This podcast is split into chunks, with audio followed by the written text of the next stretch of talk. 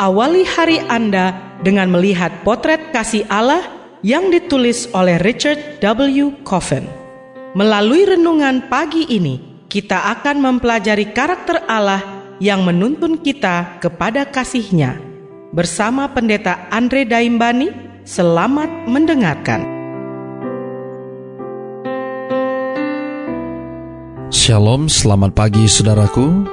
Renungan pagi kita hari ini 8 September berjudul Sindrom Betania. Ayat intinya diambil dari Yohanes 11 ayat 25. Demikian firman Tuhan. Akulah kebangkitan dan hidup. Mari kita dengarkan penjelasannya. Babak pertama, sukacita karena berada dekat dengan Allah. Seorang perempuan yang bernama Marta menerima dia dan murid-muridnya di rumahnya di Betania. Dicatat dalam Lukas 10 ayat 38. Ia menyambut kehadirannya dengan menyiapkan makanan. Sedangkan Maria duduk dekat kaki Tuhan dan terus mendengarkan perkataannya. Dicatat dalam ayat yang ke-39. Duduk dekat kaki seseorang adalah sikap seorang murid dan kata kerja Yunani di sini berbentuk imperfect. Artinya, Maria terus mendengarkan segala yang dikatakan Yesus. Babak kedua, diamnya Allah yang menyebabkan kematian. Dalam Yohanes 11, kita mendengar lagi tentang dua wanita Betania bersaudara. Tapi kali ini kita juga menjumpai saudara pria mereka, Lazarus, yang dikasihi oleh Yesus. Dicatat dalam Yohanes 11 ayat 3 dan 5. Maria dan Marta dalam keadaan baik-baik saja, tapi Lazarus sedang sakit, sakit yang parah. Pikiran dua bersaudara itu langsung tertuju kepada Yesus. Karena ia mengasihi Lazarus, tak pelak lagi ia akan mencurahkan kuasa penyembuhannya untuk Lazarus. Maka mereka pun mengirim kabar kepadanya saat ia masih berada di Perea yang berjarak 25 mil dari kota mereka. Orang akan menyangka bahwa Yesus pasti segera menempuh jarak 25 mil itu sesegera mungkin. Tapi sebaliknya, ia berlambat-lambat selama dua hari. Sementara itu di Betania, kita dapat mendengar dua bersaudara itu terus membisikkan nama Yesus di telinga Lazarus. Jangan khawatir Lazarus, kami telah memberitahu Yesus. Shh, semuanya baik-baik saja. Yesus dalam perjalanan. Ingat Lazarus, engkau adalah orang yang dikasihi oleh Yesus, kesayangannya.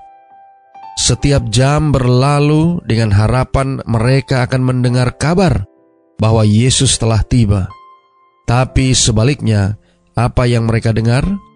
Keheningan dan diamnya Allah sungguh tak tertahankan. Babak ketiga Kelegaan saat Allah akhirnya bertindak. Ketika Yesus menampakkan diri di batas kota Betania, Lazarus telah mati selama empat hari. Penyakitnya telah menang, apa pun yang dilakukan oleh dua saudaranya. Tapi akhirnya, Yesus memecah keheningan dan ketidakhadirannya. Pertama, ia berfirman, memberikan jaminan akan kebangkitan.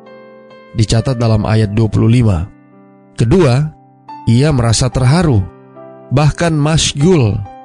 Dicatat dalam ayat 33 dan 38. Ketiga, ia menangis. Dicatat dalam ayat 35. Keempat, ia bertindak membangkitkan Lazarus dari kematian. Dicatat dalam ayat yang ke-43.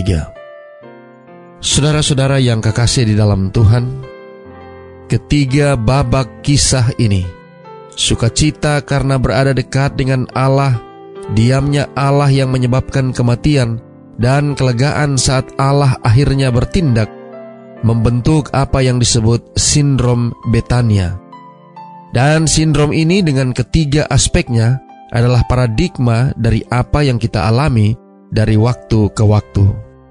Harinya akan tiba, Mungkin di akhir zaman, ketika pada akhirnya kita akan mengalami kelegaan saat Allah akhirnya bertindak. Dan sekali lagi kita akan dapat bernyanyi dengan bersemangat. Ya Yesus cinta saya. Doa kita hari ini. Bapa terima kasih melalui renungan pagi ini. Kami boleh belajar tentang beberapa cerita yang berhubungan dengan Maria, Marta, dan Lazarus.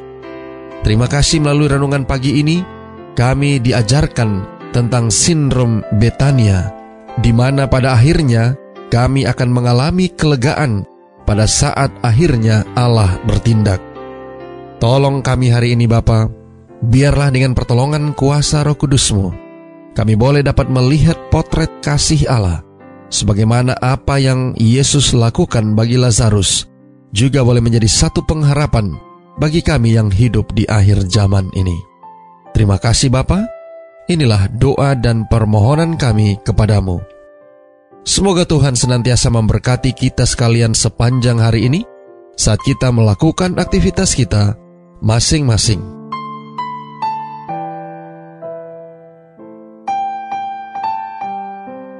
Demikianlah tadi pembahasan tentang potret kasih Allah. Semoga firman Tuhan hari ini dapat menjadi berkat bagi Anda. Sampai jumpa, Tuhan memberkati.